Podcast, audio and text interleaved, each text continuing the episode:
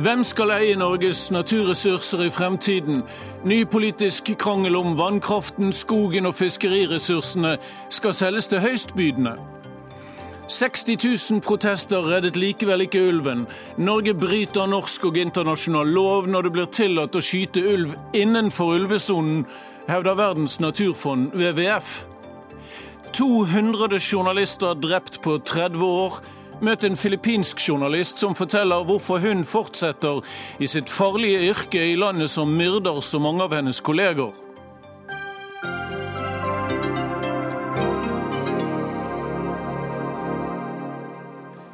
Velkommen til Dagsnytt 18 denne fredagskvelden. I studio er Ole Torp. Ja, det stunder mot helg, og rundt om i norske bygder har folk begynt å glede seg til at lørdagsavisen kommer. Ja, hvis den kommer, da. I mange distrikter er det stor misnøye med avisombæringen, for tusenvis av abonnenter får ikke avisen før sent på ettermiddagen. Eller de får ikke avis i det hele tatt. Etter at Posten sluttet med distribusjon på lørdager, er det private aktører som har overtatt. Eldor Bråten, du bor i Sør-Aurdal i Valdres og er en av dem som er veldig misfornøyd med avisombæring på lørdager. Hva er det som ikke fungerer hos deg? Ja, jeg kan jo si at vi har ingen grunn til å være fornøyd, fordi at eh, tidligere da Posten kjørte rundt, så fikk vi avisa på formiddagen. Nå har det så vidt jeg har forstått innført en ordning som skal garantere oss å få avisa før klokka 17 på ettermiddagen. Men det er bare det at det, det er jo slett ikke sikkert vi får den eh, på den tida. Mm. Har, ja. Ha, har, har du fått avisen i det hele tatt hver lørdag etter at nyordningen kom til? Nei, altså Jeg var borte den første lørdagen, så da fikk vi den på søndag. Da kan det hende vi fikk den. Nå fikk vi den klokka tre, men jeg prata med flere oppe i bygda her, og, og noen sier at de har fått avis, og noen sier at de ikke har fått den. Så dette er i grunnen om vi skal få avisa eller ikke, det er nærmest et sånn spenningsmoment som vi egentlig kan være foruten. Og, når vi får, og de som får avisa, de får den vel antagelig fordi at eh, Valdres Media um, altså, De har jo oppretta en egen distribusjonsordning her i sør i Valdres. Som, som en reaksjon på dårlig eller mangelfull levering? Eh, som en, eh, som en eh, reaksjon på dette her, ja. Og da syns jeg jo egentlig det er jo Samferdselsministeren skrev jo om dette her, og han, han, han er jo for det første misfornøyd med avisene som, som har klaga, og, og ja. ja. Du, vi, vi, har han faktisk her i studio, så vi skal snakke med han om alt dette om ja. en liten stund. Men du har jo skrevet et leserbrev i, i lokalavisen Valdres der, og, du, og, og, klaget på dette. Har du fått noe respons fra andre folk i bygden? Ja, jeg har vel fått et respons fra folk i bygda, og, og som syns at dette var jo greit at jeg, jeg pekte på. Mm. Og ja, det var, det var, jo Jeg skrev nærmest et svar på det som uh, samferdselsministeren hadde skrevet, da. Ja, og Du mener han er ansvarlig for dette her, da? Ja. Hvem ellers? Nei, men du, jeg har ham her i studio, som sagt, Ketil Solvik-Olsen, som er samferdselsminister. og Han er jo ansvarlig for dette området også. Er det noe du har lyst til å si til han når du har en statsråd på tråden? Ja, først, først har jeg jo lyst til å spørre hvem samferdselsministeren egentlig mener har ansvaret for dette. dere da, For at eh, Du skylder jo her på helt hjem. Det er altså det er de som et, et, et, selskap, et selskap som skal distribuere? Som mediehuset her eier. Ja. Og så, så det, de, har jo, de har jo veldig dårlig forarbeid. De har jo ikke klart å finne ut uh, hvem uh, som har ansvaret for dette. Ja, jeg skjønner. Ja. Men du savner lørdagsavisen din, har jeg forstått. Hvis jeg kan gjøre et sammendrag av det du, det du sier, ja. uh, spør Solvik-Olsen hva han har tenkt å gjøre med dette? det er nettopp det. Ja, altså jeg, altså jeg får si, bare svare for meg sjøl. Vi, vi, fikk avisa vi på, på lørdag, men jeg har prata med flere som ikke har fått den. Og det ja. Okay. Det er i hvert fall noe som ikke fungerer. Ok, Ellerbråten, takk skal du ha. La meg spørre om da, Ketil Solvik-Olsen. Du hører hva de forteller fra Valdres. Dette kan ikke være bra nok? Nei, det er ikke bra nok. Vi har fra statens side gått inn og sagt at når eh, Posten har slutta med lørdagsomdeling av eh, post generelt, så har vi allikevel sett på aviser som så viktig for folk å få, at vi skal kjøpe den tjenesten og sørge for at der det ikke er eh, avisbud fra avisene selv, så skulle staten gå inn og kjøpe en tjeneste som dekte det. Vi ser de tre ukene som dette har vært, tre lørdager. Resten av ukene så har avisene selv ansvaret. Ja, det er lørdagene vi snakker om. Ja? Ja. Eh, de tre lørdagene så begynte det ganske dårlig.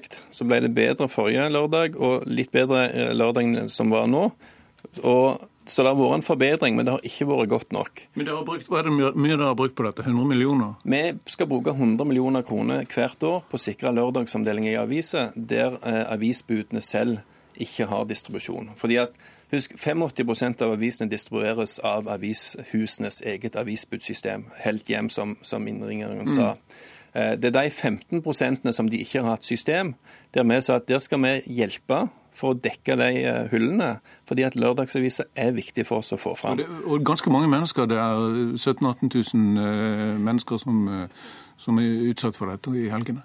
Ja, altså når vi satte i gang dette, så sa vi at for at vi skal finne ut hvor avisene selv ikke klarer å dekke, så må avisene fortelle oss hvor de ikke har distribusjonsnettverk. Mm. Det arbeidet starta vi allerede i 2014. I 2015 så hadde vi en stor høring på dette, fikk en uh, synspunkt på det, og så hadde vi et anbud basert på der vi ble fortalt at de trengte hjelp fra staten. Mm. Så viste det seg at på en del av disse områdene så var informasjonen vi fikk ufullstendig eller feil. Og Det har skapt noen utfordringer. Men jeg er opptatt av at ja, det er utfordringer. Noen steder fungerer det veldig godt, andre steder fungerer det ikke godt. De stedene der det ikke fungerer, der må vi sørge for at det blir orden. Mm. Derfor jobber vi tett med Mediebedriftenes Landsforbund, vi jobber tett med Kvikkas, som er distributør. Men vi må òg jobbe tett med de andre aktørene. Posten med tilgang til postbokser okay. for de som har det. Okay, Media Connect som har fått trykkeri til, til Kvikkas og lignende. Dere tar et, eh, et skippertak nå, for det har jo vært eksempler på ukvalifiserte ansatte i disse, disse Folk som kjører bil uten lappen, som ikke kan adresser. Eh, som ikke snakker norsk. Det har vært uh, problemer. Men la meg, la meg, snakke med en av dine forgjengere, Liv Signe Navarsete, som er tidligere som førstesminister og stortingsrepresentant for Senterpartiet hjemme i uh, Leikanger i Sogn og Fjordane nå. Hva, hva, er din reaksjon, Liv Signe Navarsete, på denne misnøyen med avisdistribusjonen om lørdagene? Dette var jo ikke uventa. Når eh, samferdselsministeren sier at Posten slutta med postombæring på lørdager, så var det jo regjeringa som bestemte at Posten skulle slutte med postombæring på lørdager. Og det ble advart imot fra Senterpartiet, at det kom til å gi dårligere tjenester. Og så viser det seg da at de fleste som ikke har fått lørdagsaviser, de bor i, ute i bygdene i distriktene. Og da sier en at ja, det, det har ikke veinummer, gatenummer, altså huset, da. Men da vet en jo, og det burde iallfall vite, statsråden, at de fleste som ikke har tildelt veinummer, det er faktisk, de bor faktisk ute i bygdene. Og så sier statsråden, eller sa iallfall tidligere, at ja, de, fleste kan jo lese på bredbånd. Jo, men så har da den samme ministeren kutta bredbåndsmidler, og disse som bor i bygdene har jo ikke bredbåndstilgang, så de kan jo heller ikke gjøre det. Da mener jeg at statsråden har et stort og fullt ansvar for det som skjer. Og jeg vil spørre hva konkrete vilkår har statsråden stilt til Kvikkas, eller som de sier her omkring, Kvikas, kaller de det her, det er ikke Kvikkas akkurat. Vi kan ikke ha et sånn 80 eller 90% samfunn der 80-90% får okay. gode tjenester og resten feller ut. Solvik-Olsen, hvorfor svarer deg på det? Ja, nei, Jeg er helt enig. Vi er veldig opptatt av at lørdagsavisen skal komme fram. Det er jo nettopp derfor vi skal bruke 100 millioner kroner i året på å hjelpe med distribusjon på dette. Så Det er jo vår forpliktelse inn på dette. Og da har vi faktisk, og dette har jeg svart på mange ganger før, så det er rart at Navarsete tar det opp igjen. Jeg har sagt i denne eh, anbudet som vi har, i den kontrakten vi har, så står det at de avisene som de har kontrakt på, skal være levert senest lørdag klokka 17. Jeg vet at mange har gitt inntrykk av at det finnes ingen krav i kontrakten. Det er en del av den eh, Jeg synes det, det blir en urimelig debatt, for det er åpenbart feil. Men hvilke krav har dere stilt til disse Men, selskapene? nå? At de skal levere aviser senest klokka 17.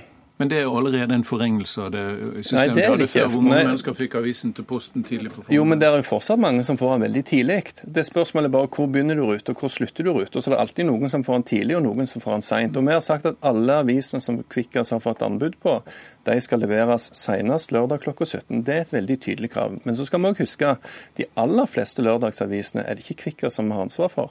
Det er det, det er et selskap som heter Helt Hjem som har ansvar for. Som vi var inne på, Så som avisens eier. Ja, ikke sant? Ja. Så, så ser vi at det har vært noen steder der de ikke har hatt gode nok grenseoppdragninger.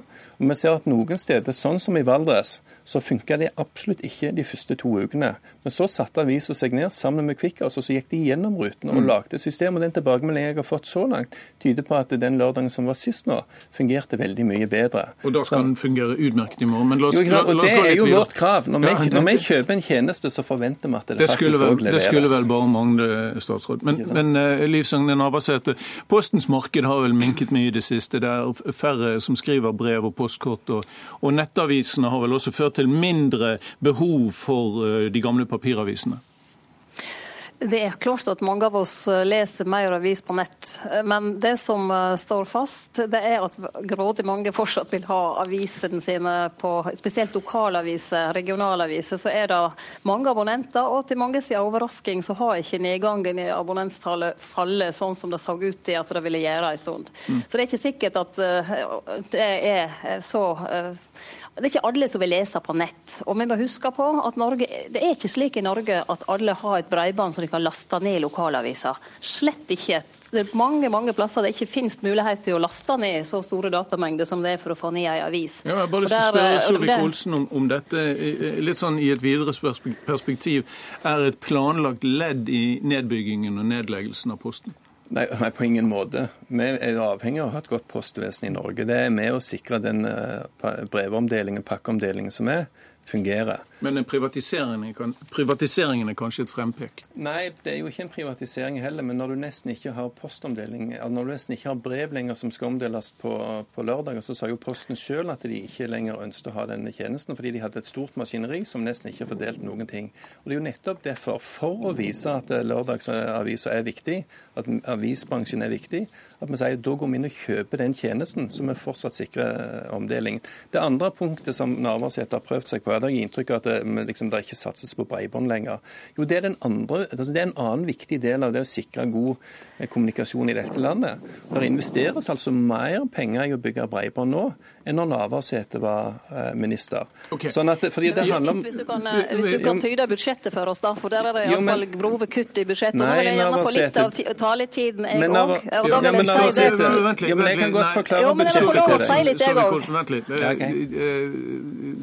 Liv Signe Navarsete, på, på tirsdag skal det debatteres i, i Stortinget dette. Posten i endring. Har du noe Ja. håp om at det kommer noe ut av det som kan redde situasjonen? Nei, ikke med dagens regjering. Dagens regjering har systematisk bygd ned Posten etter de kom inn. De ønsker selvfølgelig private inn og skal overta. Det er ikke noe ikke sant. stimulering av Posten sin aktivitet. Og jeg, I Florø bor det en mann som heter Bjørn Angel Jacobsen. Han sender brev til seg sjøl, han. Seks kilometer fra der han bor. Og de brukte seks dager på å komme hjem til han. Altså, Posten eh, Det var ikke lørdagspost, det var et brev. Såkalla A-post. Han hadde sendt brev fra nabokommunene inn til seg sjøl, og det var ingen som brukte mindre enn fem dager fra en nabokommune til hin. Altså, det er på tide at statsråden går inn og ser på tjenestene, strammer dem opp og ikke tar vekk A-post, men tvert om setter et tydelig krav om framsendingstid. For fortsatt er det slik, iallfall er det i min postkasse, brev.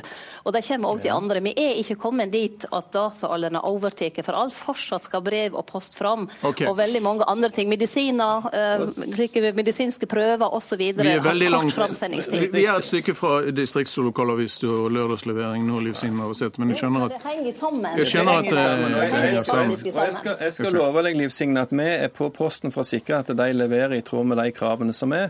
Og hvis du ser, Det er riktig at noen steder så fungerer det ikke så godt, men hvis du ser på totalleveransene, så leverer Posten like godt nå som når du var statsråd. Så ikke bruk enkelteksempler til å lage generaliseringer som er feil. Det er faktisk mange som opplever dette. Og det er, og det er altfor mange. Derfor jobber vi med saken Liv Og det er ditt ansvar å syte for at det skjer. Og, og det ikke som slutter å skyte på andre og faktisk ta ansvar i over deg og rydde opp i det. Det, det kan du gjøre, og det bør du gjøre. Og sette mye tydeligere krav til de som skal levere ut avisen. For hvis du stiller tydeligere krav, så gjør de jobben. Og så kan du straffe dem økonomisk hvis ikke jo, de gjør det. Okay, vi stopper der. Takk skal dere ha, Takk skal dere ha Ketil Solvik-Olsen og Liv Signe Navarsete. Du blir sittende. Vi skal over til et annet tema.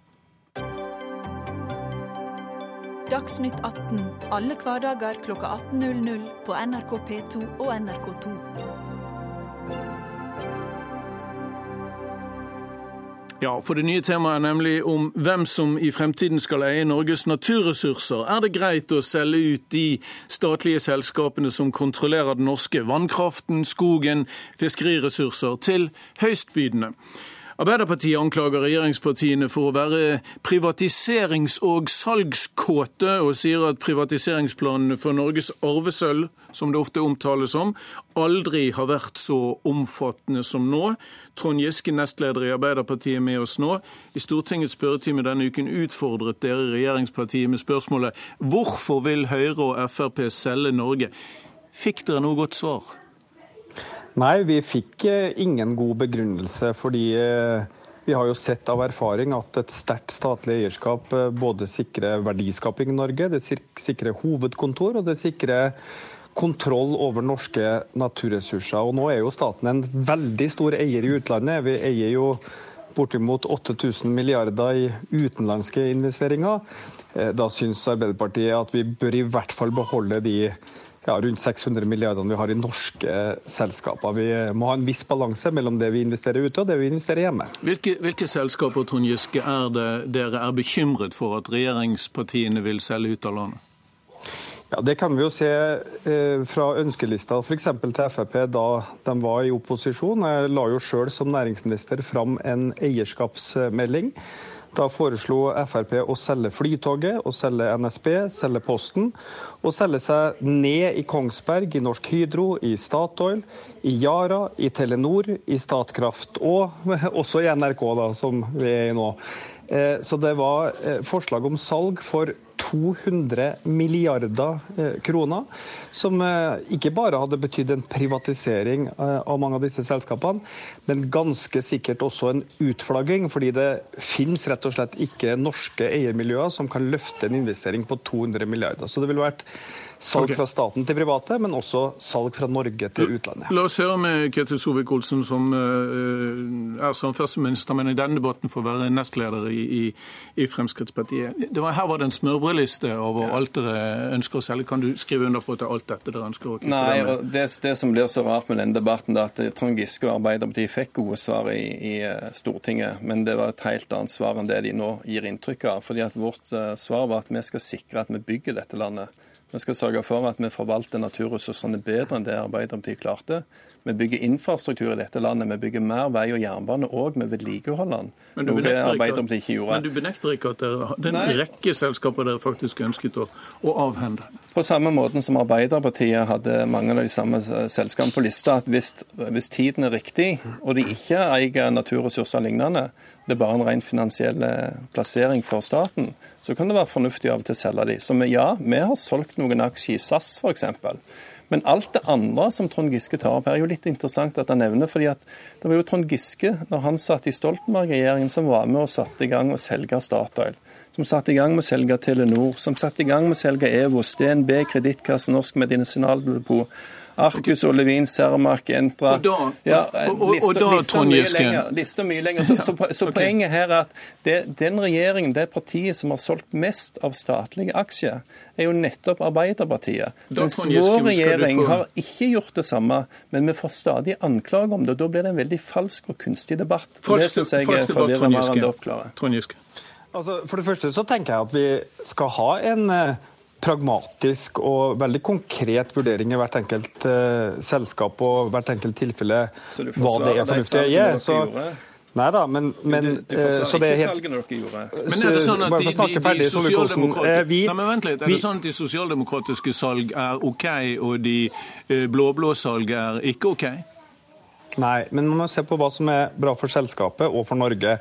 Eh, Vi skaffa en fullmakt bl.a. for å selge SAS. Vi eier ca. 10-12 av SAS, og, og vi kunne selge de aksjene for å få SAS inn i en større konstellasjon som ville ha tjent det selskapet. Det er noe helt annet med Statkraft, som vi eier 100% av, som vi har full kontroll på. Kjetil Solvik-Olsen stilte sjøl spørsmål i spørretimen, nei, jo, i spørretimen til daværende energiminister i forrige regjering om å selge en tredel av Statkraft. Dette har vært en skillelinje mellom Arbeiderpartiet og Frp helt siden Carl I. Hagen, eh, like etter partiet ble stifta, foreslo å selge alle Statoils eierandeler i Nordsjøen. Det hadde kosta Norge flere tusen milliarder kroner. Og Det vi sier i eierskapsmeldinga, og som skiller oss fra Frp, det er at ja, vi skal se konstruktivt på hvert enkelt selskap, men vi skal beholde den statlige eierandelen omtrent som i dag, mens Frp altså foreslo å selge ned for 200 milliarder kroner, og stort sett har ment at man prinsipielt ikke bør ha et statlig Men er det ikke litt interessant at her fører Trond Giske en debatt om ting som har skjedd for lenge, lenge siden? Istedenfor å fre- Forrige periode, Jo, men, men la, la oss heller diskutere det som faktisk er skjer nå. det. Nei, men, men poenget er at vis meg, eller fortell meg hvilke statlige selskap vi har solgt når vi har sittet i regjering. Nei, men Skal jeg fortelle deg hvorfor? Nei, nei, nei, nei, nei, men poeng, Du poenget får ikke nei, men flertall La meg i få snakke Stortinget for å ferdig, selge Trond Giske. Statkraft, for å selge Nei, men Statoil, for å selge Hydro, for å selge Flytoget, for å selge Giske, Kongsberg. kan Du jeg har få ikke snakke flertall, ferdig? derfor blir det ikke noe av. Jo, men Trond Giske- meg. Du får, har du ikke foreslått Kongsberg? Har du ikke foreslått Flytoget? Nei, har du ikke foreslått nei, salg som du har fått nei til i Stortinget? Nei, men- Satte ikke i gang Sylvi Listhaug en utredning av privatisering av Statskog, og fikk nei. Heldigvis har du ikke flertall, og derfor har vi beholdt disse eierskapene. Okay. Solvik-Olsen. Det er jo det som er sannheten.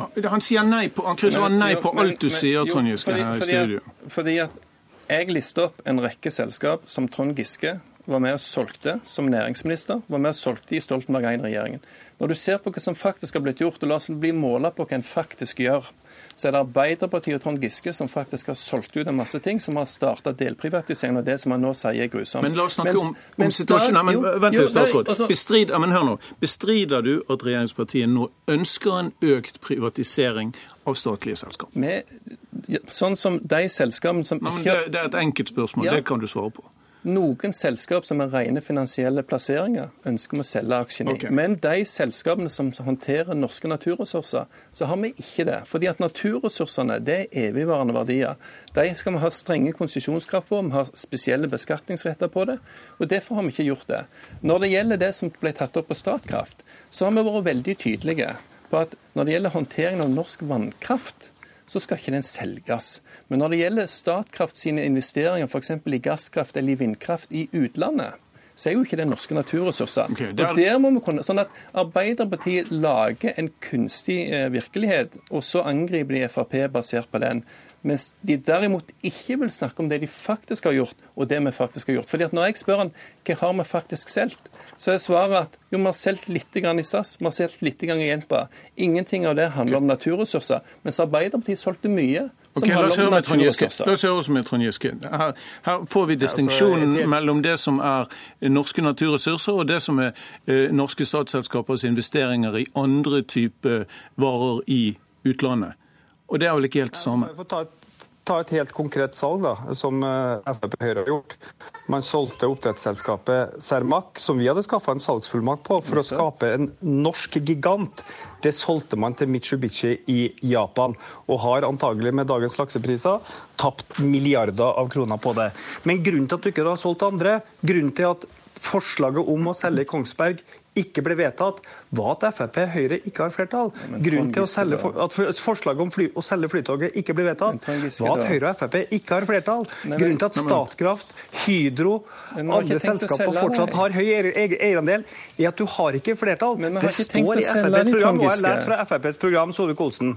En målsetning i vår økonomiske politikk er å bygge ned det offentlige eierskapet gjennom salg.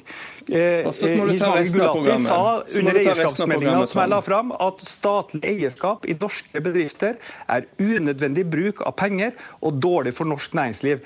Dette har jo vært FrPs linje i 40 år. Vi får vel snart høre at dere ikke får skattegutt til de rike heller, eller at dere ikke er mot innvandring. Ja, Dere men har vært men for privatisering av offentlige selskaper ja, men, hele Trond, deres historie, Solvik-Olsen, og dere er det fortsatt. Nå bekrefter du bare at du tar ut bruddstykket, og så angriper du oss på det, men du er bevisst ikke ute etter å lage en debatt om hva som faktisk er blitt gjort. Jeg har listet opp hva du har gjort. Jeg har listet opp hva vi har gjort. Vi har nesten ikke solgt noen ting.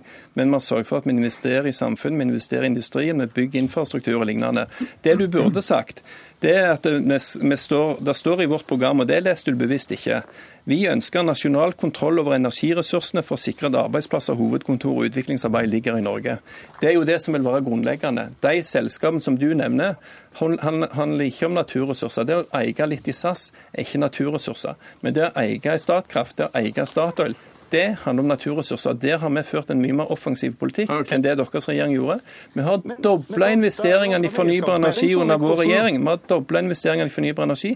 Vi har sørget for at Norsk Hydro og andre som bruker norsk energi, har bedre rammevilkår til å kunne investere i Norge enn det de hadde under forrige regjering. Mine herrer, vi må runde av Du der. personlig utfordra forrige energiminister på å selge en tredel av Statkraft. Nei, og da vi det behandla eierskapsmeldinga mi, så okay. foreslo dere å selge ned Statkraft, ned Giske. Statoil, ned Hydro, ned Kongsberg, ned Telenor, ned. Yara. Mine herrer, det virker ikke som vi kan bli omforent om, eh, om eh, hva, som er den, eh, hva som er den absolutte sannhet her. Vi må stoppe der og si takk til Trond Giske og Ketil Solvik-Olsen.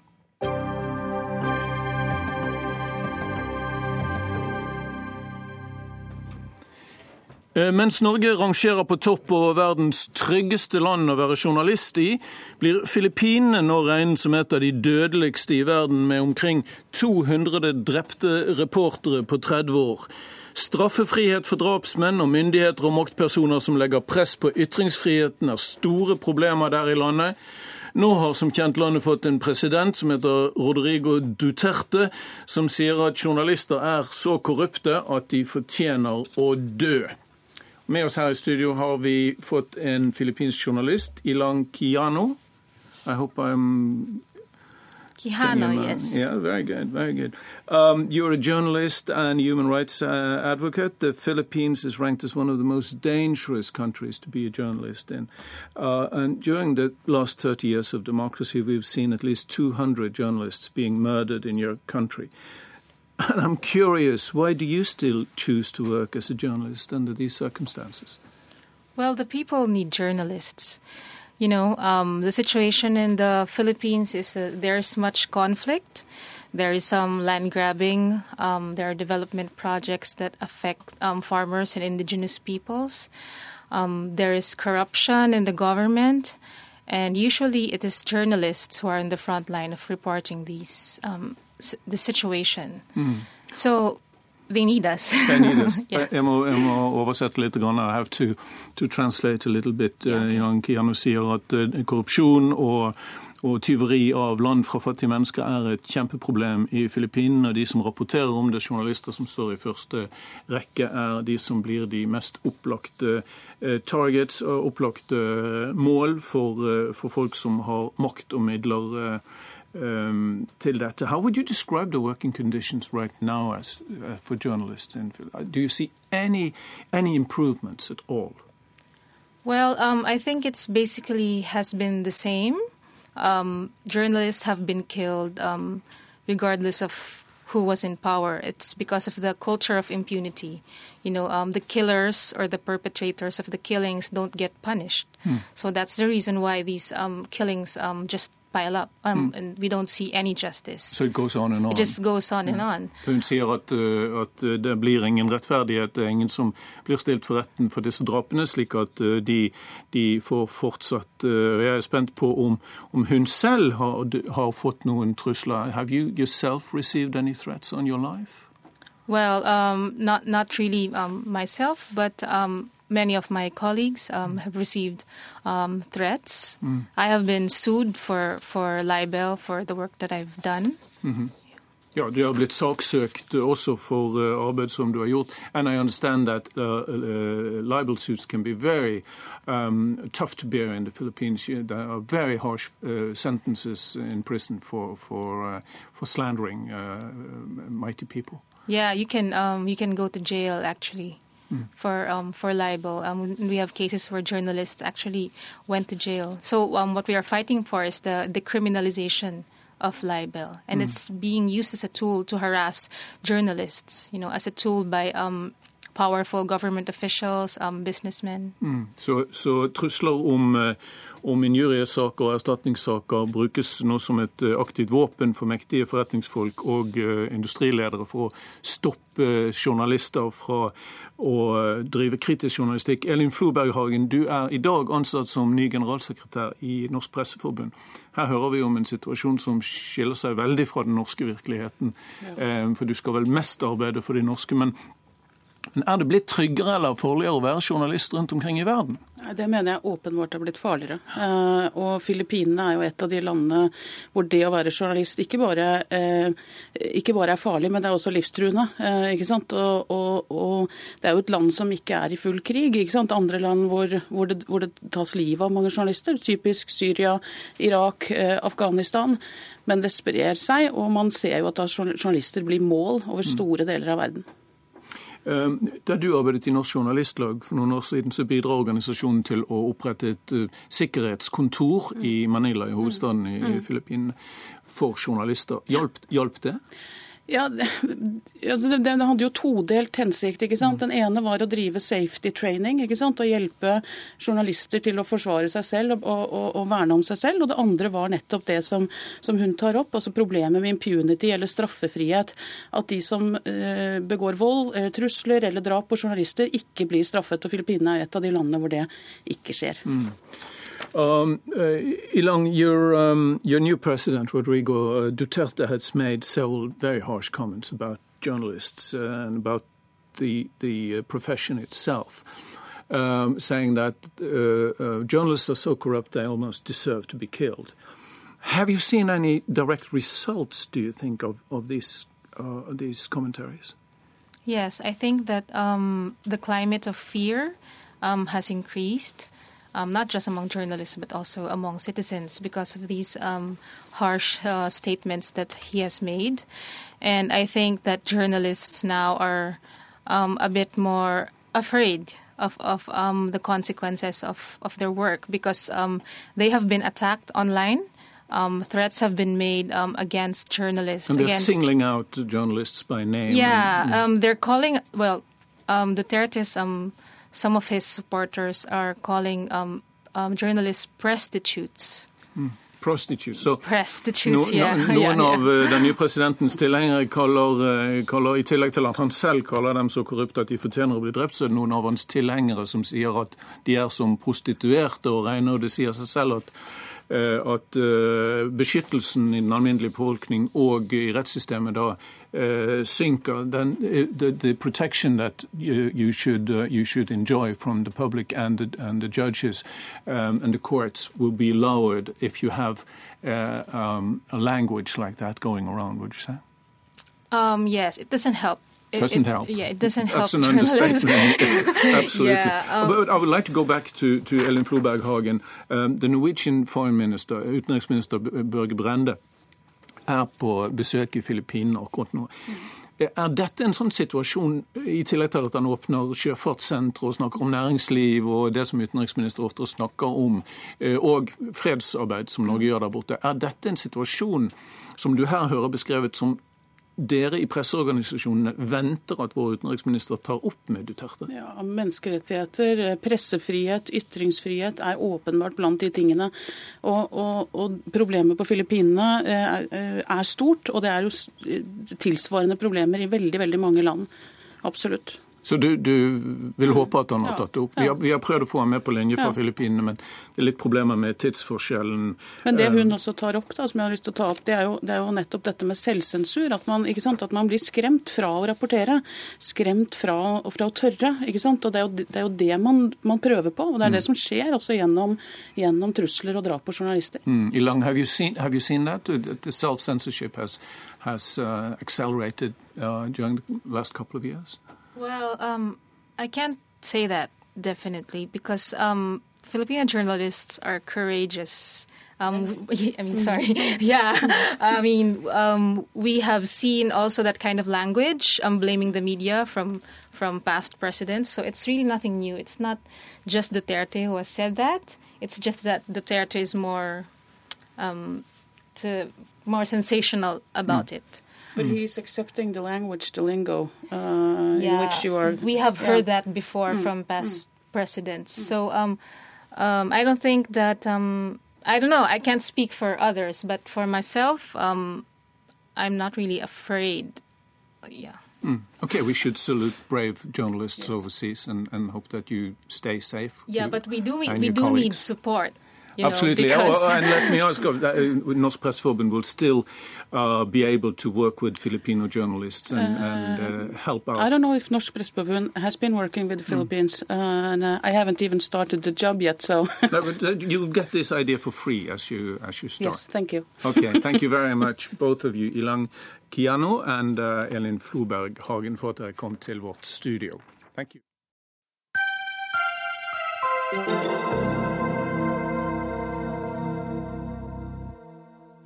Ja, nå I ettermiddag eh, kom beslutningen om at Høyesterett forkaster den amerikanske varsleren Edward Snowdens anke. Snowden og flere norske presse- og ytringsfrihetsorganisasjoner gikk til sak mot den norske stat for å få fastslått at han ikke kan utleveres til USA dersom han skulle komme til Norge for å motta den kjente Osjetskij-prisen. Bakgrunnen Oslo tingrett avviste i sommer å behandle søksmålet fordi Snowden ikke befinner seg i Norge og at det dermed heller ikke foreligger en utleveringsbegjæring fra USA. Senere stilte Borgarting lagmannsrett seg bak avgjørelsen, som da blanket videre til Høyesterett, og der får det altså en kjennelse i dag. Eh, Jon Wesselås, du er advokat og har representert presseorganisasjoner og som partshjelp eh, i denne Snowden-saken. Hva er det Høyesterett egentlig nå har slått fast?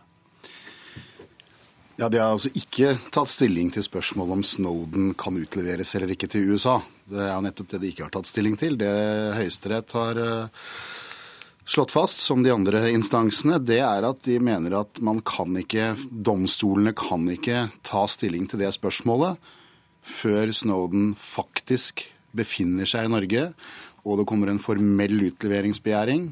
Eh, og da vil han jo pågripes, og så vil det behandles som en, en straffeprosessuell sak da, i slik domstolene. Slik at Han ville være helt i limbo. Han ville ikke, han ville ikke få sin sak behandlet før, eller en avgjørelse i denne saken før han faktisk setter foten på norsk jord. Og hvis han da setter foten på norsk jord, så kan han bokstavelig talt få håndjernene klappet rundt seg. Ja, det var jo en dramatisk måte å si det på, men det er, det er jo det som er, det som er risikoen. Og, og nå, nå, var jo meningen fra hans side var at han skulle komme hit for å ta imot denne ytringsfrihetsprisen, eh, og så reise igjen. Han har jo så ikke kommet for å søke asyl i Norge eller noe. Men hvis han da kommer og følger det systemet hvor han da må bli pågrepet også gjennom tre rettsinstanser eh, mest sannsynlig for å avgjøre om han kan utleveres, så blir jo ikke det noe kort opphold i Norge. Da må han pakke med litt ekstra undertøy, for å si det sånn. Ja, nå, og, og, nå foreligger det vel, så vidt vi vet i hvert fall, ingen utleveringsbegjæring fra USA? Nei, altså det, nei, nei, det, det, det gjør det ikke. Fordi, han, før han foreligger, holdt jeg på å si?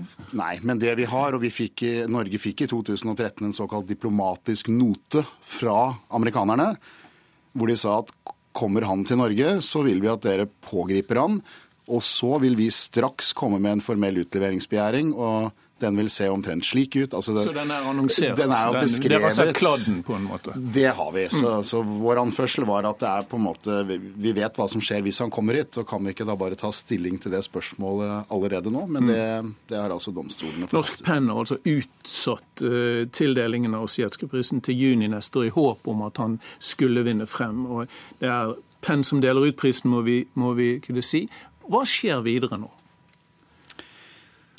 Nei, altså Høyesterett dømmer jo i siste instans, de, her i landet. Eh, og i dette spørsmålet er det vel ikke noen andre steder å gå. Så, så det er vanskelig å si. Det, vi får altså ikke avgjort dette spørsmålet eh, nå, uten at han faktisk da eventuelt kommer til Norge og tar sjansen på det. Men Vil du som forsiktig advokat si at det er en altfor stor sjanse for ham å ta, eller bør man i ytringsfrihetens navn være interessert i å få prøvet det scenarioet? Nå tror jeg alle advokatene på denne siden er, er, ganske overbevist om at det han er siktet for i USA, det er noe som regnes som politisk lovbrudd etter vår utleveringslov. Slik at da er det et absolutt forbud mot å utlevere han, enten det er USA eller det er Filippinene eller hvor det er. Ehm, så risikoen eh, er vel ikke så stor for at han blir utlevert, men det blir jo bli en helt annen prosess. Altså, da, da kommer han ikke innom på en visitt for å hente en pris. Da vil han jo bli pågrepet og antageligvis sitte i varetekt mens den saken blir prøvd i minst tre instanser altså i norske domstoler. Og det blir et mye lengre da, opphold. Og for ham personlig er det kanskje en for stor risiko? Da. Ja, det får han jo svare for, for, selv, men det er klart at det er det, jeg tror at altså, det norske rettssystemet fungerer, og vi har en klar utleveringslov. Eh, men, men det er klart han han har vel gode grunner til å ikke føle seg så trygg rent eh, fysisk eh, hvor han beveger seg. Vi så jo hva som skjedde da han eh, da amerikanerne trodde at han var på vei i et fly for tre år siden til, til Sør-Amerika, og det flyet ble tvunget ned i Østerrike.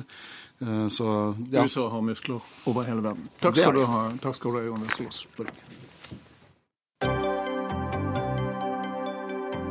Hør Dagsnytt 18 når du vil. Radio NRK Radio.nrk.no.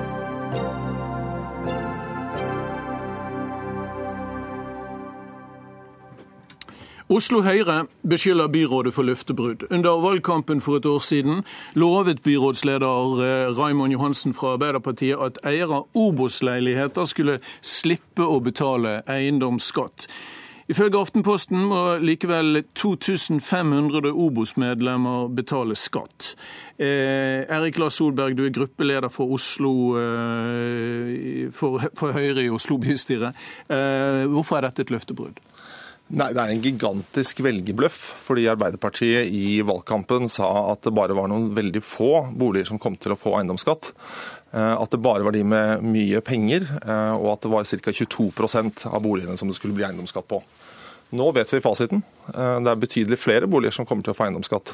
Eh, tre av ti neste år, og vi vet at det kommer til å stige sånn at minst halvparten kommer til å betale eiendomsskatt i løpet av to år.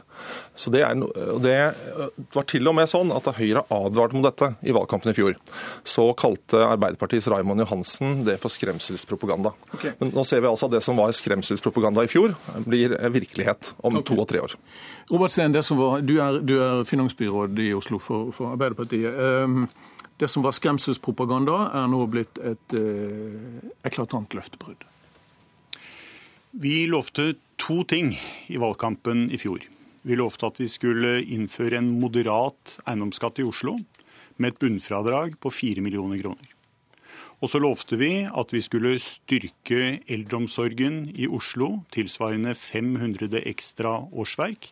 Og så lovte vi at vi skulle styrke barnehagedekningen i Oslo med 3000 nye barnehageplasser i bystyreperioden. Hvis vi holder oss til, eh, til eiendomsskatten, så, så ble det jo sagt at to av ti skulle, skulle måtte betale. Men neste år nærmer det seg halvparten. Det er ikke samme regnestykke. Det er helt riktig. Vi sa at eh, etter våre beregninger under valgkampen så skulle 22% av boligene i Oslo bli eh, skattelagt med eiendomsskatt dersom vår modell fikk flertall. Det gjorde den. Den ble innført i 2016, og ca. 22% av boligene i Oslo har blitt skattlagt i 2016. Men hvordan kunne da Raymond Johansen 2000... si at det ikke skulle bli boligskatt for Obos-eiere? Det han sa var at vanlige Obos-leiligheter skulle ikke skattlegges. Og Det var basert på beregninger som Obos hadde gjort sjøl. I dag så er det ca. 100 000 boliger i Oslo som har Obos som forretningsfører. Av disse så er det ca. 2500 som har fått eiendomsskatt etter denne modellen. Noen av de med noen hundrelapper. Okay, tok han feil, eller lurte han oss? Nei, jeg tror ikke han tok feil. 97,5% av Obos-boligene har ikke fått eiendomsskatt. Det betyr at vanlige Obos-leiligheter har ikke fått eiendomsskatt i Oslo. Okay. Så det er jo sånn at I valgkampen så var Arbeiderpartiet krystallklare på at bare 22% av boligene skulle få eiendomsskatt.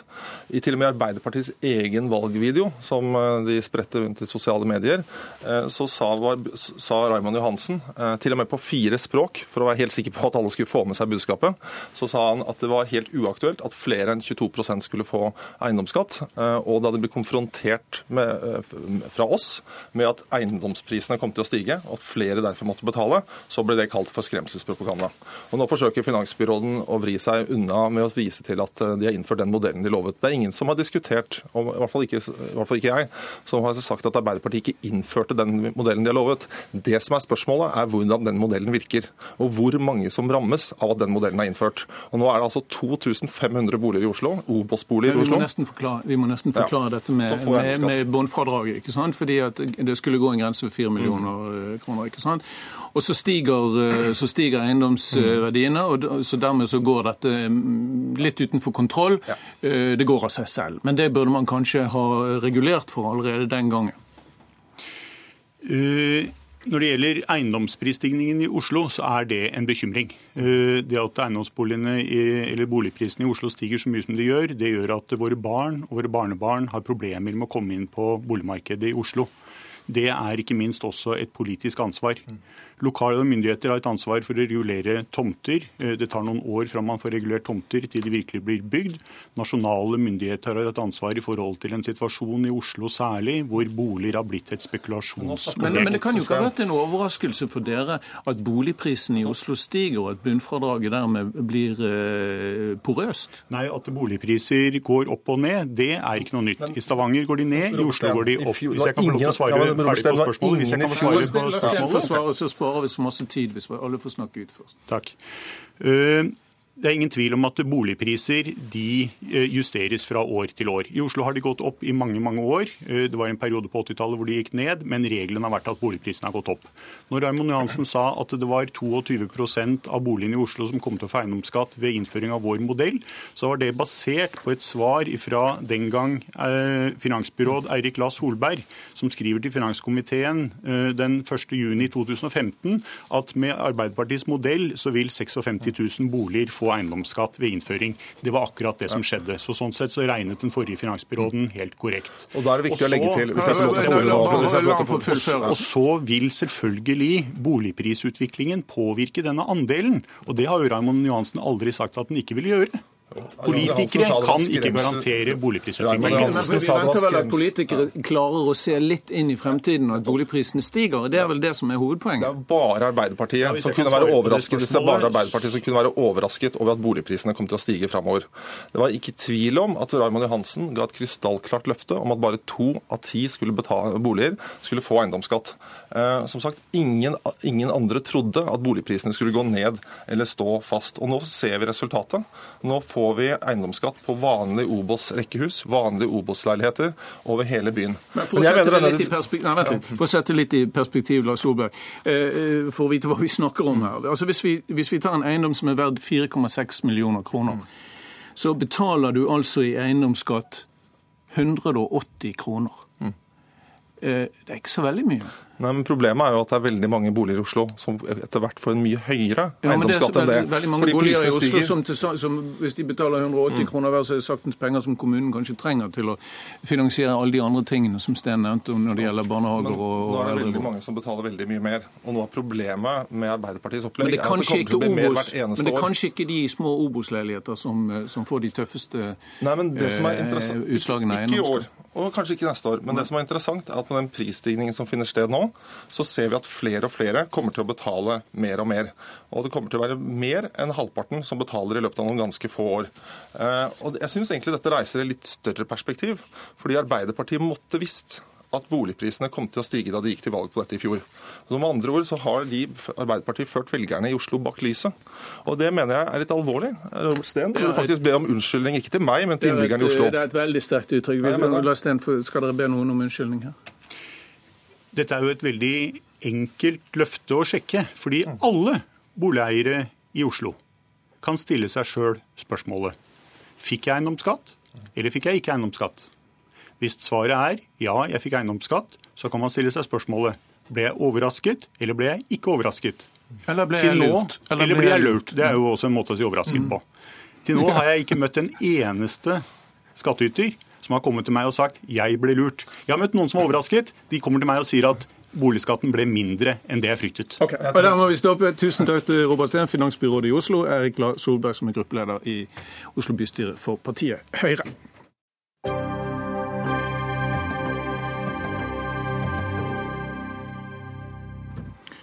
60 000 underskrifter for å redde ulven hjalp altså ikke. Miljødirektoratet råder nå regjeringen til å felle 32 ulver innenfor ulvesonen.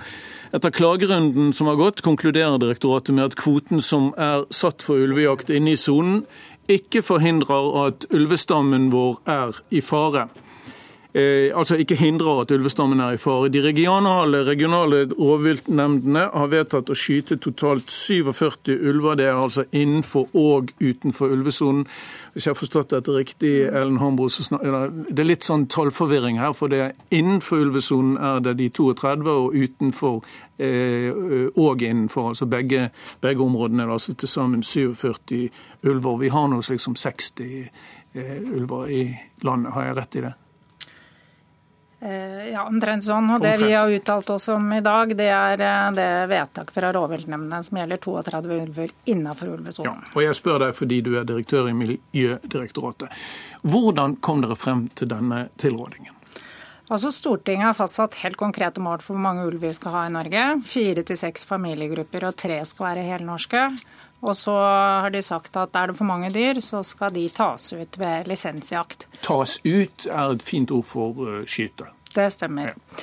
Eh, og så har vi blitt bedt om å vurdere vil det være mulig å nå dette målet til Stortinget dersom det tas ut det antall dyr, altså 32 ulver, som rovviltnemndene har fattet vedtak om. Det er en klagesak som ligger til behandling i departementet. Og så har vi sagt at eh, ja, vi tror det målet vil være mulig å nå, også dersom man tar ut disse ulvene. Så sier vi også at det kan være lurt å redusere kvoten noe, fordi at uh, vi har gjort, ser ut til at en av disse ulvefamiliene ikke er en hel familie. De har ikke fått valper, så det er bare mor og far. Så der bør man redusere antallet som så tas det noen, ut. det er noen nyanser der. Men i ja. Og dessuten så har også registreringene vist at det er flere ulver i området enn det rovviltnemndene la til grunn. Det ser ut til at det har dukket opp tre nye par. Og det er vesentlig for vår vurdering av at det vil være mulig å nå okay. dette bestandsmålet som Stortinget har satt. Ok, For å bevare en norsk ulvestamme. Har dere tatt stilling til om denne jakten er lovlig etter naturmangfoldloven, rovviltforskrifter, internasjonale eh, avtaler osv.? Det har vi ikke gått inn og vurdert. Hvor, unnskyld, hvorfor har dere ikke gjort det? Eh, det er et vilkår etter Bernkonvensjonen og naturmangfoldloven at eh, det skal være eh, for å felle, at det skal være nødvendig for å avverge skade. Og så har vi et dilemma. Stortinget har fastsatt noen mål for hvor mange dyr det skal være, eller hvor få dyr det skal være.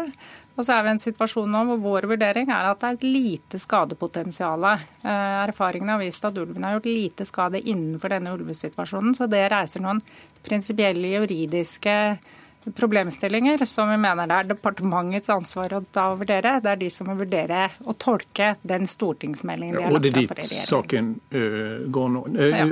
Du kan få lov å bli sittende. Jeg vet at vi har stilt som, du har stilt som betingelse for dette at du ikke skal delta i noen debatt, men du får lov å sitte ved oss i studio. Det er hyggelig å ha deg her, og du får lov å kaste deg på hvis du likevel uh, ombestemmer deg. For jeg har Nina Jensen her som er generalsekretær i WWF i Norge. Hva er din reaksjon i dag på denne tilrådingen om å skyte såpass mange ulver? Jeg må jo si at jeg blir eh, ganske overrasket. Eh, jeg ville jo antatt at eh, Miljødirektoratet sto i mye større grad på ulvens side. Og så er det jo helt åpenbare begrensninger i de anbefalingene de kan komme med, gitt det stortingsvedtaket som ligger. Men det som jo er interessant med tilrådningen fra Miljødirektoratet, det er jo den tydelige understrekingen av de juridiske aspektene her. For det å skyte ut ulv innenfor ulvesonen eh, når de ikke utgjør skadepotensialet, er altså strider med jussen, det strider med naturmangfoldloven, det strider med rovviltforskriften og det strider med Bernkonvensjonen. Men nå hører vi at Miljødirektoratet ikke har tatt stilling til, eh, til disse bestemmelsene som vi snakker om. Nei, og det er jo riktig. Og det er jo en, eh, en tydelig eh, anmodning, slik jeg ser det, til klima- og miljøminister Vidar Helgesen om å gjøre de nødvendige juridiske vurderingene her. Hvis ikke så, og hvis dette vedtaket blir fattet, så tror jeg man kan vente seg søksmål og betydelige juridiske implikasjoner. Dette er et drøyt vedtak. Det strider med norsk lov. Og nå er det på tide at vi begynner å stille oss på naturens og ulvens side. La oss høre med en som ikke er helt enig med deg, tror jeg. Politisk ledelse i, i departementet vil ikke kommentere dette siden saken der skal behandles. Men vi har med oss Eirik Milde, som er ulvepolitisk talsmann, tror jeg det heter, i Høyre, med oss på telefon. Vi hører Nina Jensen og WWF her stille spørsmål ved om Miljødirektoratet ja, si, nærmest gjør jobben sin, så vidt jeg forstår deg. Hvordan stiller du deg til det spørsmålet? Ja, Det er rovdyrpolitisk talsmann. da. Det Rovdyr. Ja, det er så mye ulv at jeg sier ulv for lettvinthets skyld, men du er rovdyrpolitisk talsmann. Det er riktig. Nei, altså, vi satt jo da i Stortinget, Allerede i 2004 ble det satt et mål om tre helnorske ynglinger i Norge. Det ble bekrefta i 2011, og så var det et nytt eh, forlik i 2016 som, som, omtrent videreførte det tidligere forliket. Så dette er for så vidt ikke noe nytt. Det eneste som er nytt i denne saken, her, det er jo det at man nå for første gang har gått langt over bestandsmålet i Norge. og Det er jo derfor dette, denne saken egentlig, kommer. Men, men, eh, dere er fornøyd med dette, denne tilrådingen fra direktoratet? altså? Ja, altså, Miljødirektoratet er jo fagstanten på rovvilt i Norge. Eh, og De har jo da gitt råd, og de skal gi råd til Klima- og miljødepartementet. Ja, Dette vet vi. dette vet vi. Det, det har vi konstatert her i studio. Men mitt spørsmål er om dere er fornøyd med at det skal skytes såpass mange ulver nå? Ja, de, følger da opp det som er rovviltnemndenes vedtak. Altså, Rovviltnemndene har det også faglig begrunnelse. Men er du fornøyd? Ja, jeg er jo fornøyd. Du er fornøyd? Da tydeligvis sier at uh, det her ikke vil uh, være til fare for bestandens overlevelse i Norge. Det, det, det, er jo fornøyd med. Det er du fornøyd. Det er jo viktig. Det er, Stortinget, det er viktig for Stortinget også. Uh, Nina Jensen. Altså Det Miljødirektoratet gjør, er jo å følge opp Stortingets vedtak. men det at man da også understreker at dette potensielt kan være juridisk feil, er jo ganske interessant. Og derfor å faktisk prøve denne saken hos en solid jurist vil jo vise til om dette strider med opptil flere betydelige nasjonale og internasjonale lovverk og konvensjoner. Eh, så er det jo også sånn eh, at eh, det å ha en ulvebestand på et så kritisk lavt nivå som det vi har nå, sikrer ikke den langsiktige genetiske overlevelsen til denne arten i norsk natur. Men det mener jo ikke Miljødirektoratet, hvis jeg har forstått riktig. Jeg vet ikke om du vil hoppe inn igjen, Ellen for det var vel det du sa til å begynne med, at du mener at på tross av en hard nedskytning nå, så er ikke ulvestammen i seg selv i fare, altså vil fortsatt kunne være bærekraftig? Den vil fortsatt være mulig å oppnå det bestandsmålet som Stortinget har satt. Og bestandsmålet betyr? Det er fire til seks familiegrupper, hvorav tre helnorske. Det er det Stortinget har bestemt som en bærekraftig bestand av ulver i Norge. Så spørsmålet vi har besvart, vil det målet til Stortinget være mulig å nå, selv om det skytes ut så mye ulv som rovviltnemndene har besluttet? Og det mm. svarer vi ja på. Har dere vært under noen slags form for press i denne saken? Nei, er, dette er en ren sånn naturfaglig. Vi er kartlegging, og det er faktaopplysninger vi gir. og vi har vært ute og sørget for at det har blitt nye registreringer på om de har fått valper, og om det er nye ulver som har etablert seg i området. Så sånn sett så er det bare faktaopplysninger vi gir. Erik Milde, er, er, du bekymret for om Norge nå kan få et riktig dårlig rykte internasjonalt for å bryte både egne og internasjonale bestemmelser om uh, ulvejakt og ulvebestand? Nei, det er jeg egentlig ikke. Eh, når denne saken ble behandla i Stortinget, så var jo stortingsflertallet helt tydelig på det at de, at de, skulle ligge innenfor både naturmangfoldloven og Bernkonvensjonen. Og det er grunnlaget for hele stortingsmeldingen. Eh, det som nå skjer, er jo det at siden man nå har oppnådd målet for første gang siden 2004, så blir denne saken aktuell. Eh, og Den vurderingen departementet nå gjør, der regner jeg med at de tar med seg det som er nødvendig av juridiske vurderingen når de fatter de beslutningene. Så Det skal bli interessant å se hva de kommer fram til. Selvfølgelig. Nina Jensen, dette ja- nei-spørsmålet. Er du bekymret for Norges internasjonale renommé nå? Ja, det er jeg svært bekymret for. Eh, vi har jo allerede fått stor internasjonal oppmerksomhet og motstand som følge av det. Det har jo kommet en storm av både brev og e-poster til regjeringen. Hvis det nå i tillegg viser seg at dette er eh, i strid med loven, eh, så er norsk miljørykte Da henger det i en tynn tråd. Så er det jo også sånn at ja, det er riktig at ulvebestanden har vokst de siste årene. Eh, og det er jo fordi vi så godt som utryddet den eh, tidligere, så den har vokst tilbake til eh, en litt større bestand. Samtidig så har jo skadepotensialet gått ned. Antallet rovviltskader har altså gått ned betydelig, på tross av at bestanden har økt. Det betyr jo på mange måter at politikken har funket. Det er mindre tap, eh, det er mindre skader, og vi har flere ulv. Da må vi fortsatt kunne klare å videreføre den eh, gode politikken, det som funker, og ivareta både ulv okay. og sau i norsk natur. Okay. Både ulv og sau skal leve sammen i fullkommen harmoni. Takk skal dere ha for at dere kom til studio, Ellen Hambro, direktør i Miljødirektoratet, og Nina Jensen, som er generalsekretær i WWF, og Erik Milde med oss på telefonen fra Høyre. Da ønsker vi god helg herfra. Ansvarlig for denne sendingen var Odd Nytrøen. Teknisk ansvarlig Hans Ole Hummelvold. Og i studio satt Ole Torp. P2.